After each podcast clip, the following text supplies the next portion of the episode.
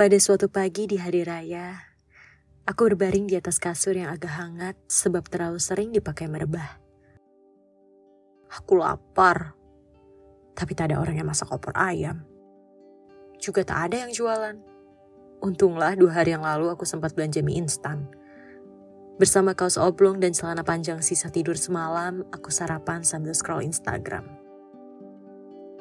Ah, semuanya sedang maaf-maafan. Ada beberapa foto keluarga. Mereka memakai baju yang sangat bagus.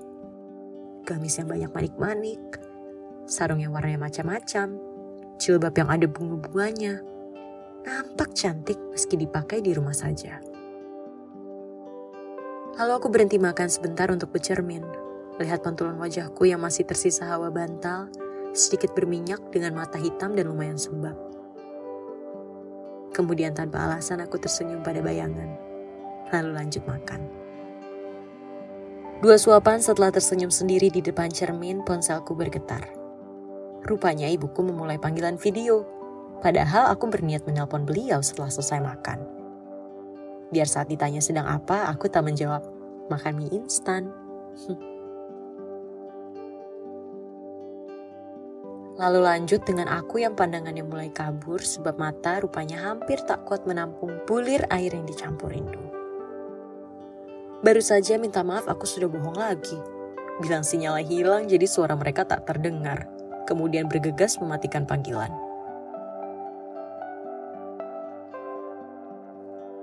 Hari raya yang tak banyak cerita.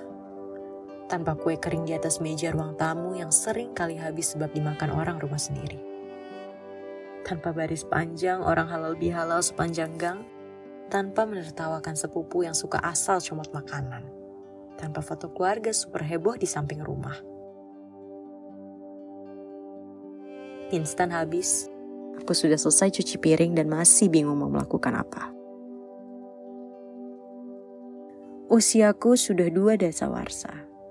Tapi mengapa di situasi ketika aku membutuhkan kedewasaan yang keluar justru sifat kekanak-kanakan? Aku mau sama ibu. Kira-kira begitulah kalau disederhanakan. Suara takbir malam lebaran selalu syahdu dan menggetarkan. Tapi untuk yang semalam ditambah bumbu-bumbu rindu rumah yang belum terselesaikan, sepertinya mataku akan tetap sembab seharian.